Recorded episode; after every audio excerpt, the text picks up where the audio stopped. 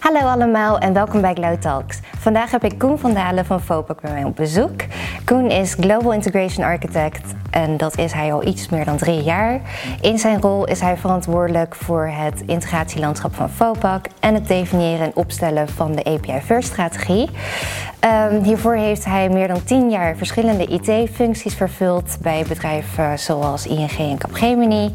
En mij is ook ingefluisterd dat Koen in zijn vrije tijd graag op zijn fiets stapt, op zijn racefiets stapt en uh, door uh, Nederland toert. En ik heb ook stiekem gehoord dat jij je hele huis geprobeerd hebt te automatiseren. Is dat waar? Ja, dat klopt ja. Daar heb ik wel veel werk aan besteed. Ja, ja. ja wat heb je dan allemaal gedaan? Uh, nou ja, uh, uh, vrij simpele dingen als je komt binnen liggen de automatisch aan, maar ook dingen, je doet het raam open en de verwarming van die ruimte gaat dan uit, onafhankelijk van het raam en dat soort dingen. Ja, het is allemaal niet zo ingewikkeld overigens, als je weet wat je moet doen. Maar... Ja, als je weet wat je moet doen inderdaad. Dat is vaak het punt natuurlijk. Welkom Koen, fijn Dank dat je er bent.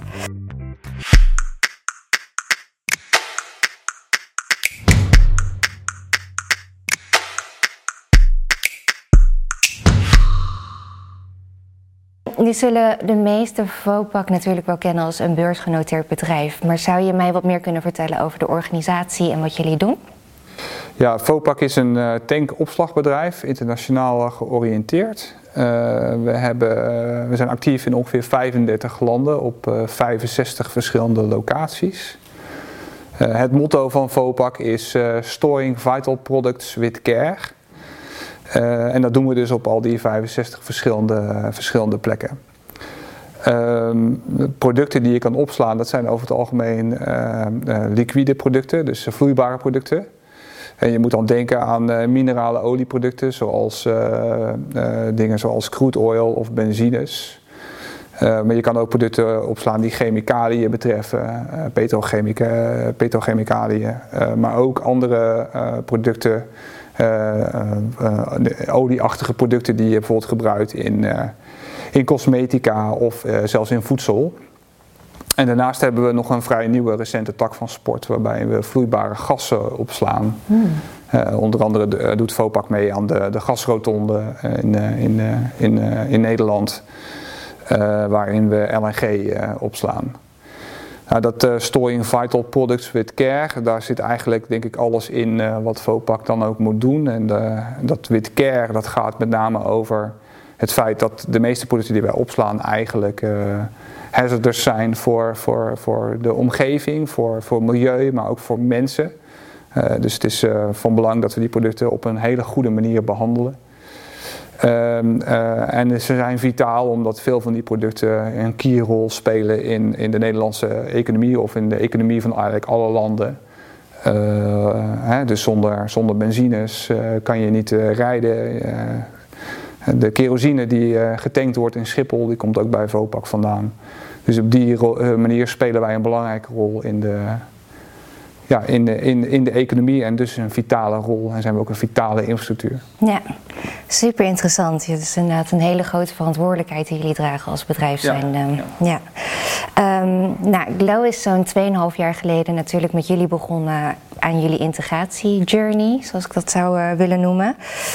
Um, en hebben wij jullie geholpen met het implementeren van MuleSoft als nieuw integratieplatform. En hebben we ook de eerste projecten samen gedaan. Um, zou je me nog eens een keer willen vertellen waarom jullie destijds jullie integratiestrategie uh, hadden herzien en wat dan ook de voorwaarden of de criteria waren voor dit nieuwe integratieplatform? Ja, oké. Dus voor de digitale transformatie van, uh, van Vopak hebben we een aantal architectuurprincipes opgeschreven, waarvan een aantal relevanter zijn dan andere. En ik zal de relevante even noemen. Dus wat we zeiden is, we willen een, een cloud bedrijf worden. cloud een lesstrategie. Waarbij we ook zeiden, we willen liever SaaS applicaties kopen. Lukt dat niet, dan gaan we op een PaaS-platform applicaties ontwikkelen. Of we gaan ze uiteindelijk, als dat niet kan, op een IaaS-platform hosten. en als last resort hebben we altijd nog een vorm van managed hosting. Daarnaast hebben we gezegd, ja, als we, we willen eigenlijk het applicatielandschap meer vormgeven conform een soort best of breed model. Dus we willen eigenlijk ehm, per businessproces de juiste applicaties kopen of bouwen die daar het beste bij passen. In, in, plaats van wat we vroeger hadden, dat die ene grote monolith waar alles in zat. En dat leidt dan ook tot de behoefte van, uh, van master data management. Hè. Dus dat we ervoor zorgen dat de data die eigenlijk gebruikt moet worden in allerlei verschillende processen, bijvoorbeeld wat is een klant, dat we dat goed op orde hebben. En dan komt er natuurlijk ook integratie bij kijken, waarbij we zeggen, nou we moeten de, al die applicaties met elkaar uh, gaan, uh, gaan integreren. Nou, wat we eigenlijk gezien hebben in dat, uh, in dat proces is dat ons huidige integratieplatform de requirements die bij de nieuwe architectuur kwamen kijken, bij de nieuwe doelstellingen niet goed kon ondersteunen. En dat gaat dan met name over het volume dat we moesten gaan ondersteunen. Ehm, nou ja, dat is een belangrijke reden om een heroriëntatie zich te doen op het uh, integratiedomein. Uh, het tweede wat belangrijk is, dat is het, dat we iets wilden gaan doen met, met API's. Dus in het verleden maakten we gebruik van event carried state transfer voor de, voor de insiders.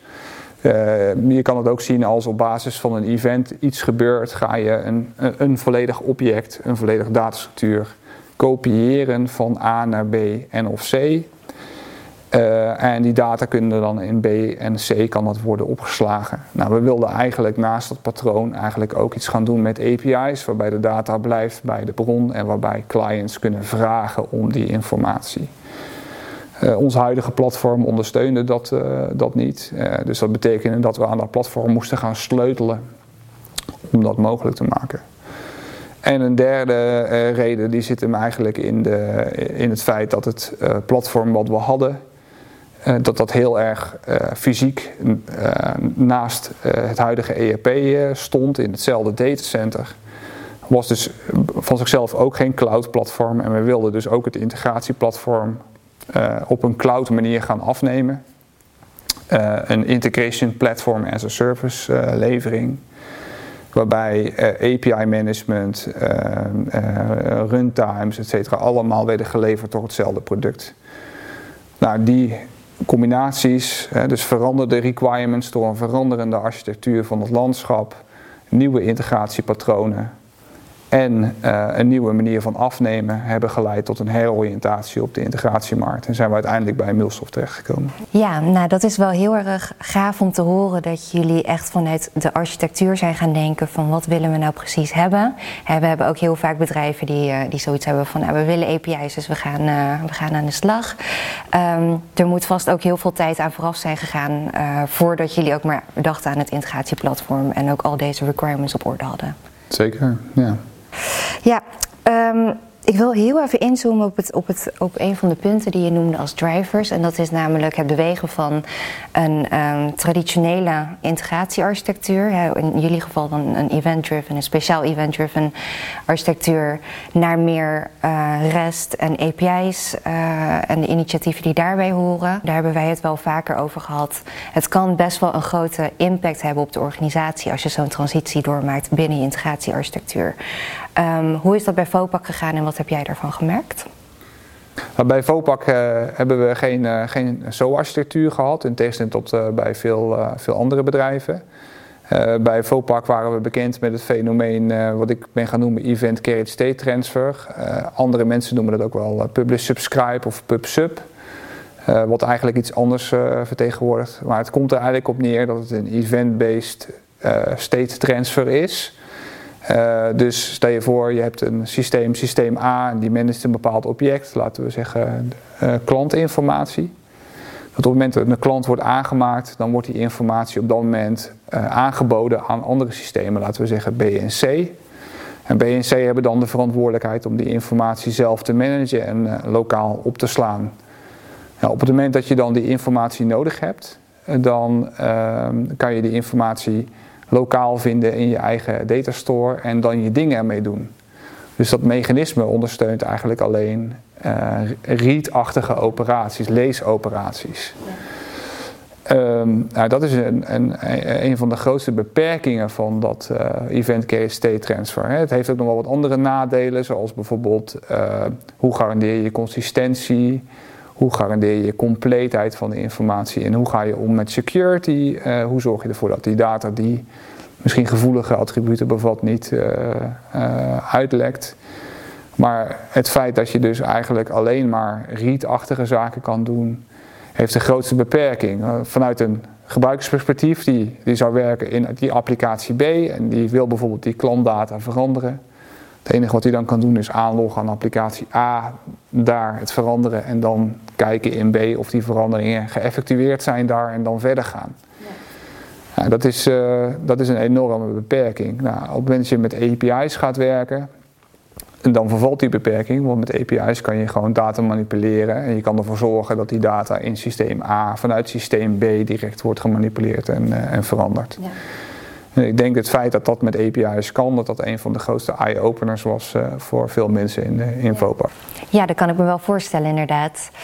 Um, nou, toen Glow bij jullie begon, zo'n 2,5 jaar geleden, zijn we ooit begonnen met het migreren van jullie oude webservices. Het waren er 100 geloof ik, naar het nieuwe platform, dus naar MuleSoft.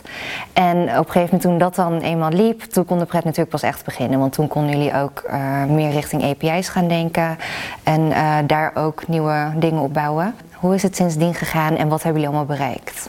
Ja, we zijn inderdaad begonnen met het migreren van die uh, Event Carried uh, State Transfer interfaces. Het waren er ongeveer 100. Uh, we hebben die uiteindelijk weten te migreren zonder enige vorm van business impact. de winkel is gewoon open gebleven, zeg maar. Super. Um, we hebben tegelijkertijd ook nog wat nieuwe dingen gebouwd. Um, dus eigenlijk ging dat heel goed. We hebben ook een soort schifting gemaakt tussen wat we strategisch vonden. Die hebben we gemigreerd. En we hebben er ook een aantal op het oude platform uh, uh, laten zitten die ja, 100% afhankelijk zijn van dat oude ERP-systeem wat we aan het vervangen zijn. Dus op het moment dat dat uitgezet kan worden, dan sterven die interfaces uh, mee af, dus die hoefden we niet te migreren.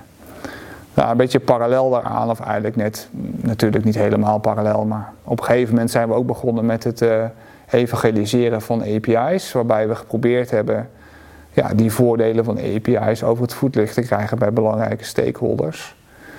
Um, maar dat alleen is natuurlijk niet afdoende, want uh, stel je voor die stakeholders zeggen, nou dat vind ik een goed idee, laten we dat gaan doen, dan moet je er wel klaar voor zijn. Dus dat betekende ook dat eigenlijk alle randvoorwaarden om API's te kunnen maken, eigenlijk in de organisatie uh, geëmbed moeten worden. En daar heb ik uh, uh, veel energie in gestopt. Uh, een van de dingen, ja, de dingen die we eigenlijk uiteindelijk gedaan hebben en die we opgeleverd hebben, dat betreft onder andere het maken van een, een standaard voor API's. Mm -hmm. een van de grote nadelen, denk ik, van een REST API is dat REST is zeg maar een, een term die alles kan betekenen. Ja. Je hoeft maar naar een willekeurig package van een willekeurige fabrikant te gaan die zegt we hebben een REST API en de volgende zegt dat ook en het lijkt totaal niet op elkaar. Ja. Dus het is geen echte standaard. Dus je zult je eigen standaard moeten verzinnen. Zeker als je API's wil gaan hergebruiken, is een, zeg maar, een soort common look en feel en dat iedereen begrijpt hoe die API's werken van ontzettend belang. Ja. Dus die standaard die zul je moeten opschrijven, die zul je moeten endorsen en ervoor zorgen dat iedereen zich daar aan moet houden. Dus dat hebben we gedaan. Het tweede is dat we geprobeerd hebben om kennis en kunde op te bouwen bij allerlei mensen. Uh, door middel van, van, van, trainingen bijvoorbeeld hebben we geprobeerd. Uh, ik heb nu vier verschillende soorten trainingen ontwikkeld overigens. Voor verschillende soorten doelgroepen proberen we mensen uh, engaged te raken bij het, uh, het onderwerp API's en wat API's zijn, hoe ze gebruikt kunnen worden. En dat gaat dus van een heel laag niveau, dat je maar net weet wat het is, tot een echt ontwikkelaarsniveau, dat je weet hoe je die standaarden bijvoorbeeld moet kunnen gebruiken. Ja, en, last but not least is het ook denk ik uh, heel belangrijk dat um, um, mensen een, een proces volgen. Dus op het moment dat je een API wil maken, dan heb je rollen. Mensen moeten wat doen. Uh, uh, mensen moeten met elkaar samenwerken. Een techneut weet niet per definitie wat de functionaliteit van de API moet zijn. En degene die iets over functies weten, weten waarschijnlijk niet hoe je dat in de techniek moet doen. Dus die moeten samenwerken.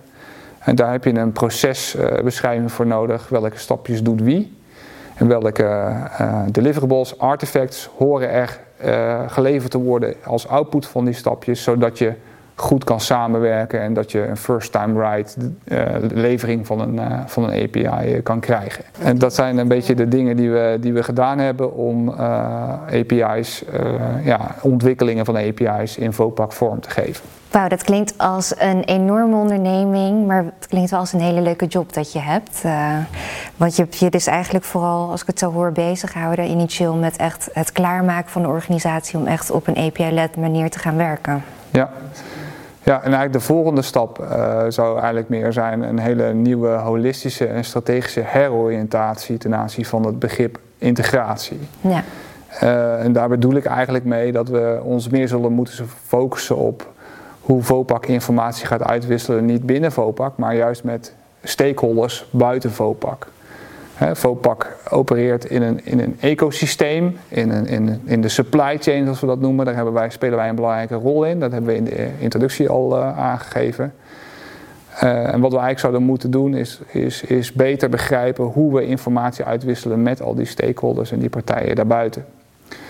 Ehm, ik denk als we daar eh, energie in stoppen door middel van het begrijpen van die touchpoints van die partijen naar buiten, mhm. eh, dat we uh, veel beter zouden kunnen gaan samenwerken. Ja. natuurlijk moeten we dan optimaliseren op de, op de punten waar de meeste frictie is tussen ons en de ander, omdat we dan beide maximaal zullen profiteren. Nou, om eigenlijk wat je, wat je wel een beetje kan horen uit dat verhaal is dat het toch ook wel heel erg raakt aan businessstrategie. dus uh, wil je als bedrijf op deze manier uh, samen met je klanten en met andere uh, partijen en partners gaan samenwerken? dat gaat dus eigenlijk ook wel een beetje mijn, mijn, mijn, mijn autoriteit te boven. En daarom doe ik dat ook samen met onze CIO, Leo Brandt. wij organiseren allerlei stakeholders, of wij organiseren allerlei meetings en sessies met stakeholders, eh, belangrijke stakeholders binnen het bedrijf. Om deze de volgende stap in onze digitale transformatie eigenlijk vorm te gaan geven. Uh, zodat we dat later ook kunnen gaan uitvoeren. En wat je nu eigenlijk ziet is dat die, dat hele verhaal wat ik hier vooraf vertelde over API's, API-led, organisatie, uh, onderwijzen, eigenlijk allemaal een soort randvoorwaarden zijn om straks die stap te kunnen maken naar het beter leveren van digitale services naar onze externe stakeholders. Ja, wauw, super gaaf. Want um, en dan ben ik heel erg benieuwd naar de uitvoering daarvan. Want uh, naast dat jij dus inderdaad verantwoordelijk bent voor deze heroriëntatie, deze strategische heroriëntatie op het concept integratie, ben je ook verantwoordelijk uiteindelijk als architect voor het neerzetten van de kaders en de architectuurprincipes en de guidelines. Um, hoe zorg je ervoor um, dat, die, dat die in ieder geval op de juiste plekken belanden en dat die ook werkelijk nageleefd worden? Deze vraag kan je eigenlijk op twee manieren uh, bekijken. Uh, je kan hem bekijken van uh, wat is een goede API en, en wat is een goed API-landschap eigenlijk. Ja. Nou, met de eerste te beginnen, ik werd eigenlijk al een beetje uitgelegd dat een goede API lastig is, een goede REST API, vanwege het gebrek aan marktstandaarden. Dus je zult je eigen standaard moeten hebben en dan mag eigenlijk geen ruimte meer in bestaan over wat dat is. Nee. Nou, vervolgens kan je zeg maar, door middel van tooling, uh, die onder andere MuleSoft biedt, proberen om die standaarden af te dwingen. Dus bijvoorbeeld je kan gebruik maken van wat MuleSoft noemt API trades. Dat zijn zeg maar een soort vertemplate stukjes functionaliteit. Die kan je ontwerpen conform jouw standaard, zodat een developer eigenlijk wordt, automatisch wordt geleid naar ik ga die standaard gebruiken. Dus bijvoorbeeld als je iets wil doen als pagination in je API, als er een trade voor is, is het voor de developer vele malen makkelijker om die te gebruiken dan om vervolgens het zelf het wiel opnieuw te moeten uitvinden. Dus dat is denk ik een belangrijk uh, hulpmiddel. Het andere hulpmiddel uh, wat we gebruiken, dat is uh, eh, IZ Analyzer. Mm -hmm. dat is een tool. Ehm, ik weet eigenlijk niet welke partij die levert, als ik eerlijk ben. waarmee je code, codecontrole kan doen. Dus kan allerlei standaarden over hoe je wil coderen, kan je via die tool eigenlijk afdwingen. En op het moment uh, in je CI/CD-proces kan je die gebruiken, maar ook in je uh, Mule IDE, mhm. in uh, Studio, kan je die tool gebruiken om ervoor te zorgen dat die developers zich houden aan de best practices die je hebt afgesproken. Wat handig. Ja, en last but not least heb je natuurlijk altijd nog de last line of defense. dat zijn dan testers, en uh, peer reviews met andere, uh, eigenlijk in andere volgorde natuurlijk, peer reviews en testers die de, die de code quality assurance doet voordat dingen daadwerkelijk worden gepromoot naar uh, test, exploitatie en productie. Als je het hebt dan over het, landschap, hè, wat ik al zei, ja, wij proberen API-led-achtige architectuur te maken. Um, in tegenstelling tot wat is een goede API, is API-led wat moeilijker in, in goede regels uh, te vangen. Welke functionaliteit doe je precies waar? En daardoor is het ook wat moeilijker te beoordelen. Um, en wat ik eigenlijk, uh, um, dat beoordelen doen we eigenlijk aan de hand van designs. Dus we maken een API-led design voor onze integraties per use case. Uh, maar we zijn er nog wel lerende in om goed te weten wat we nu eigenlijk waar precies moeten plotten. Uh, dus dat is nog wel een dingetje waar we, waar we druk mee zijn om dat, uh, om dat goed op de rit te krijgen. Ja. Het is ook inderdaad vaak zo bepalen wat een goede API goed maakt. Dat is iets waar je je één keer dan over buigt. Maar bij, binnen API-led heb je met ieder nieuw project natuurlijk weer te maken met de vraag welk stuk is herbruikbaar, welk stuk is een specifieke single-purpose use case voor de experience API's bijvoorbeeld. Dus dat is Ja. een stuk losser natuurlijk. Ja, dat klopt. Je krijgt elke, bij elke use case krijg je opnieuw, hè, je kijkt vanuit de use case perspectief, perspectief kijk je naar je landschap. Ja, Je kijkt wat kan ik hergebruiken, wat moet ik aanpassen ja, eh, of wat moet ik echt helemaal nieuw ontwikkelen. Eh, met name op het moment dat je dat assessment doet, kan je ook tot de conclusie komen dat hetgene wat je ooit gebouwd hebt eigenlijk niet goed is. Ja. Omdat het helemaal niet herbruikbaar is. ja, Het probleem wat je dan krijgt is dat je een grote impact kan verwachten op het reeds wat er al bestaat. En dan krijg je natuurlijk hele grote discussies dat de vervuiler bepa- betaalt. Hè. Jij wil dat nieuwe, dus jij, moet het land, jij hebt impact op dat landschap. ja, Hoe ga je dan om met die andere use cases die je reeds daarvan gebruikt hebben gemaakt? En hoe zorg je er dan voor eh, dat je niet straks tien verschillende versies hebt van min of meer hetzelfde? Omdat je, om- omdat je dat hergebruik toch niet hebt kunnen bewerkstelligen. ja. En dat vergt grote afstemming en governance en ownership. Ja, en daar zijn we echt nog, eh, nog lerende om dat goed te doen. Ja, want ehm, stel op een gegeven moment hebben jullie dus, niet stel, maar op het moment dat jullie op dit allemaal dus wel uit hebben gedacht en echt volledig API-led gaan werken, wat voor een impact moet dit teweeg brengen voor FOPAC als organisatie in het geheel? Dus meer richting de business misschien, wat is de impact daarvan? Ja, nou, ik had net eh, eigenlijk verteld over FOPAC en, en zijn stakeholders. Hè? Dus de stakeholders rondom FOPAC, eh, waar wij zaken mee doen. Dat zijn de bekende partijen. Iedereen binnen FOPAC kent die partijen. Maar iedereen moet ook onderkennen dat die hele supply chain waar wij een rol in spelen en waar al die partners van ons en al die stakeholders ook een rol in spelen, dat die hele supply chain heel erg inefficiënt werkt. Uh, op dit moment spelen heel veel van die partijen of zelfs andere partijen een rol in die supply chain en proberen die inefficiëntie zo efficiënt mogelijk te maken. En wat je nu ziet is dat er allerlei nieuwe partijen ontstaan, eh, meer digitale partijen, platform-economie Ja, partijen, die denken dat ze die problemen op kunnen lossen met data. ja, Uh, nou, dus de effecten van een goed API-led design zal kunnen zijn dat wij onze data straks kunnen gaan uh, vermarkten. Wij kunnen onze data gaan verkopen of monetizen, zoals dat zo mooi heet. ja, Uh, aan die nieuwe digitale platformen die zullen ontstaan. En dat is echt een hele grote belangrijke kans en een nieuwe businessmodel uh, voor Vopak om zijn data te gaan verkopen. ja, zeker. Nou, als je dan meer intern kijkt, wat betekent dat dan? Nou, dat betekent natuurlijk dat uh, Vopak, ontwikkelaars, Vopak, uh, applicatie-eigenaren en projectmanagers zich moeten gaan realiseren dat ze zich zullen moeten gaan houden aan die regels die behoren bij API-led. En dat je dus iets zal moeten gaan bouwen conform die architectuur om bij te dragen aan dat grotere doelstelling van die, van die partners in het ecosysteem, die stakeholders, maar ook om die nieuwe monetization van data mogelijk te maken. Het een kan niet zonder het ander. Dus een belangrijke coherentie is nodig om dat, uh, om dat goed uh, mogelijk te maken. Ja. Nou, concreet hè, betekent dat dat experience API's, als het gaat over API's die je gaat ontwikkelen en naar buiten gaat brengen, die je door meerdere partijen, externe partijen willen kunnen laten gebruiken, dat je daar dus een vorm van een product management-achtige rol tegenaan moet zetten, die die experience gaat bepalen. Ja. He, dus die product manager die wordt de owner van de roadmap, van de backlog en die moet gaan bepalen welke experiences hij gaat leveren voor een specifieke groep die hij wil targeten.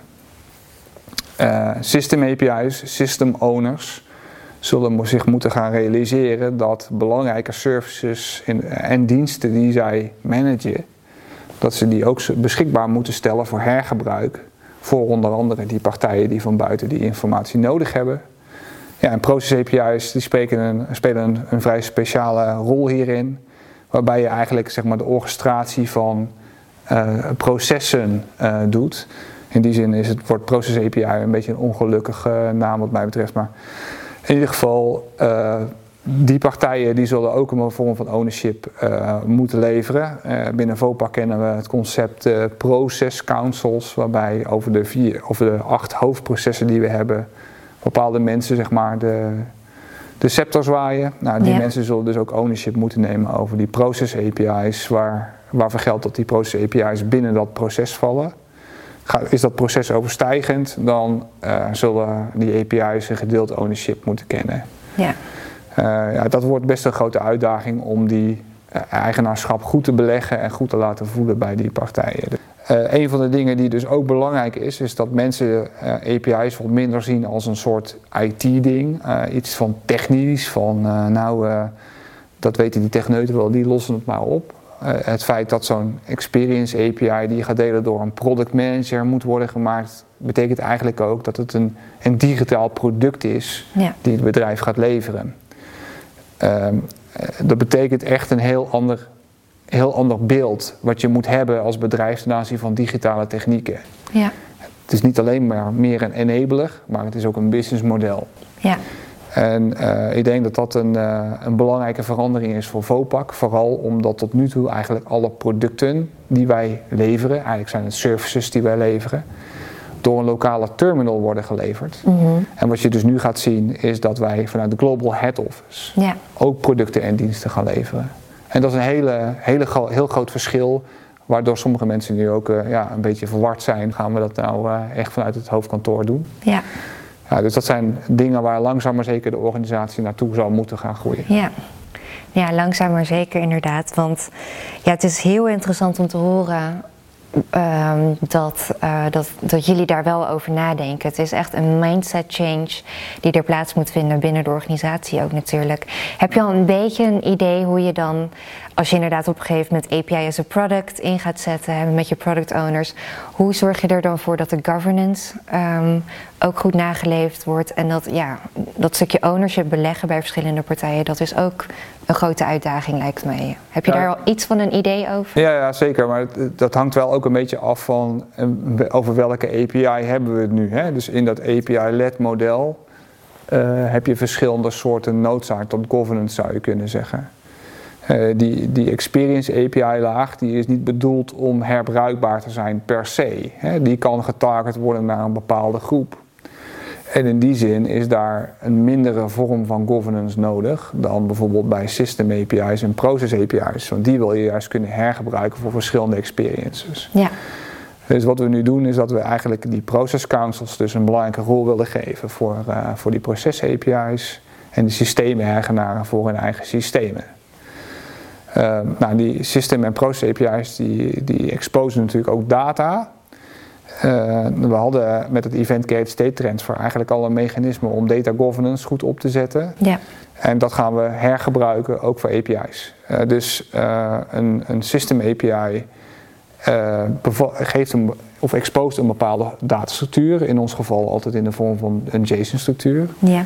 En wat we dus heel graag willen en wat we ook doen, is dat we ervoor zorgen dat wat op een system API wordt geëxposed conform wat we noemen een canonical model is. Je, je kan het eigenlijk zien als een soort Vopak Esperanto, ja. een taal uh, die door iedereen in het bedrijf wordt begrepen. Uh, het gevolg daarvan is, is dat uh, die API daardoor veel herbruikbaarder wordt, omdat de semantiek ten aanzien van de, de data goed beschreven is, gedocumenteerd is. En dat mensen dat, dat van nature al goed begrijpen. die governance die rondom dat datamodel zit, uh, hergebruiken we dus gewoon. En we zorgen ervoor dat die API's gebouwd worden conform die modellen. Knap, wauw. Dat is wel uh, voor heel veel bedrijven is eigenlijk het stukje datamodellen ook nog een hele grote uitdaging. Ja. Maar uh, dat er zijn. We zijn niet in elk, uh, in elk dataobject, in elk gedeelte van de business even volwassen hierin. Maar het is wel het doel dat we dat, dat we dat op de juiste, adequate manier doen, omdat dat de enige manier is hoe je dat hergebruik eigenlijk op een juiste manier kan krijgen. Ja. Uh, een second best zou zijn. En we, we, zitten wel met een aantal dataobjecten waar we daarnaar kijken. Dat we dat meer een soort van domeingedreven datamodel maken. Waarin we bijvoorbeeld zeggen, nou, binnen operations heeft dit object een, een, vorm van betekenis op deze manier. En ergens anders, bijvoorbeeld bij global sales en marketing, ziet dat er dat zo uit.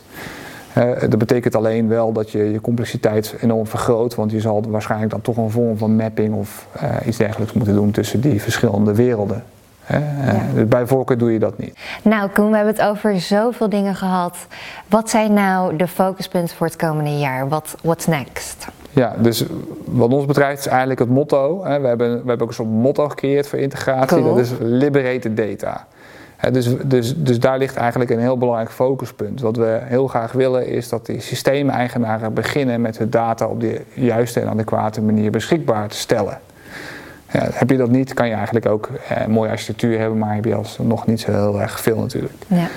Het tweede is eigenlijk dat we, eh, waar we aan gaan werken, is dat we dat event case state transfer mechanisme, eh, dat pub-sub eh, van A naar B kopiëren van data, dat heeft zeker nog waarde. We willen dat niet, niet weggooien. Maar we willen dat eigenlijk wel op een wat meer efficiënte en goedkopere manier eh, doen. En uh, dat meer past bij uh, het gebruik van API's, dat een supplement is op API's. We zien eigenlijk waarde in om dat patroon uh, te verkleinen of te, te, te, te, te versimpelen tot een event notification patroon. Mm. Waarbij we zeggen van in plaats van het hele object, hè, dus heel, heel de customer uh, op te sturen, uh, gaan we een uh, één generiek datastructuur versturen. Dat noemen we de event notification. En daarin staat dan wat voor soort type CRUD-operatie, dus type wijziging heeft plaatsgevonden op welk dataobject. En waar je die dan vervolgens middels een API zou kunnen ophalen als je geïnteresseerd daarin bent. Ja. Uh, het mooie daarvan is, is dat het dus mooi aansluit bij API's. Hè. Heb je een API-gedreven client die iets moet weten van een wijziging en dan kan je gaan zitten pollen. Ja. Nou, dit mechanisme elimineert het pollen doordat de notificatie komt. En tegelijkertijd kunnen wij in een adapter op MuleSoft zeg maar, die notificatie ontvangen, de call namens de subscriber eh, doen de data ophalen en dan event carried state transfer aan de buitenkant blijven ja. uh, ondersteunen. Dus uh, dat uh, zijn we nu verder aan het uitwerken en aan het, aan het uitproberen. Um, het ziet er naar uit dat we dat daadwerkelijk binnenkort ook gaan, verder gaan ontwikkelen en in productie gaan nemen. Super. Uh, en het, derde wat we gaan doen is natuurlijk dat we ons verder gaan met die tweede stap in onze digitale transformatie. Uh, het engagen van uh, onze externe stakeholders, van senior management, om die visievorming tot, tot een daadwerkelijke API of API-enabled digital strategy vorm te geven. dat we daar uiteindelijk echt stappen in kunnen gaan zetten. Ja. Dat is eigenlijk uh, waar we nu het, uh, het meest aan werken, waar de aandachtspunten op zitten. Klinkt goed, super exciting. Ja. Echt uh, heel erg gaaf om te zien dat jullie zo, zo ver zijn. Als jij advies mee mag geven aan het publiek, aan de Nederlandse integratiecommunity, wat zou dat dan zijn na deze hele journey? Ja, ik denk ehm, dat de meeste mensen die in integratie werken, heel veel mensen die in integratie werken, die komen echt van een hele technische achtergrond. Ik denk dat je vanuit mijn verhaal eigenlijk zou kunnen destilleren dat uh, integratie veel meer is geworden dan alleen maar, uh, zeg maar de, de, de loodgieter spelen om informatie van A naar B te krijgen. Uh, wat, wat mij betreft is het eigenlijk de key enabler voor eigenlijk alle digitale transformatiestappen die bedrijven maken. En ik denk dat de integratiecommunity een grote rol zou kunnen spelen in, het, in, het, in, in dat digitale transformatietraject die bedrijven maken. Ja, en wij als integratiecommunity moeten die, die rol gewoon pakken. Ja. Uh, techniek die we toepassen is mooi, uh, maar is vergankelijk. We, we, hebben in het verleden de opkomst en de ondergang van SOA bijvoorbeeld gezien. Ja. Ehm, en nu hebben we weer een nieuwe tool. Uh, binnenkort staat er weer wat anders op de rol. Het is heel mooi om je daarin te bekwamen en daarin te ontwikkelen. Maar dat is niet sustainable. Die indruk blijft niet achter bij bedrijven. Als jij de rol kan spelen als de veranderaar van het bedrijf, dat het bedrijf op een andere manier zijn, zijn diensten gaat leveren, dan denk ik dat je wel een long-lasting impression op zo'n bedrijf kan maken. Zeker. En dat lijkt mij iets waar we met z'n allen hard aan zouden moeten werken. Ja, gaaf. Nou, jullie hebben het gehoord. Nou, nu komen we alweer aan het einde van deze aflevering. We hebben heel veel dingen besproken, als ik het heel kort samen mag vatten. Um, we hebben het in de essentie gehad over hoe FOPAC haar integratiestrategie heeft aangepast om te kunnen voldoen aan de digitale transformatie waar, waar jullie doorheen zijn gegaan. Waarbij jullie heel erg hebben gekeken hoe jullie vanuit jullie traditionele integratiearchitectuur um, de stap kunnen maken richting echt een API-first strategie ook. Nou, daarbij hebben we het ook heel erg veel gehad over de rol van de business, ownership van de API's, maar ook de rol van architectuur en dat dat een van de key succesfactoren is om dit mogelijk te maken. Um, en uiteindelijk is het doel natuurlijk om jullie supply chain wat efficiënter te maken, om beter met jullie ecosysteem samen te kunnen werken en uiteindelijk ook om jullie data te kunnen monetizen. Vergeet ik zo wat? Nee hoor, dat is het ongeveer alleen. Top. Koen, ik wil je heel erg bedanken voor je komst en voor het delen van je inzichten en hopelijk tot snel. Ja, graag gedaan.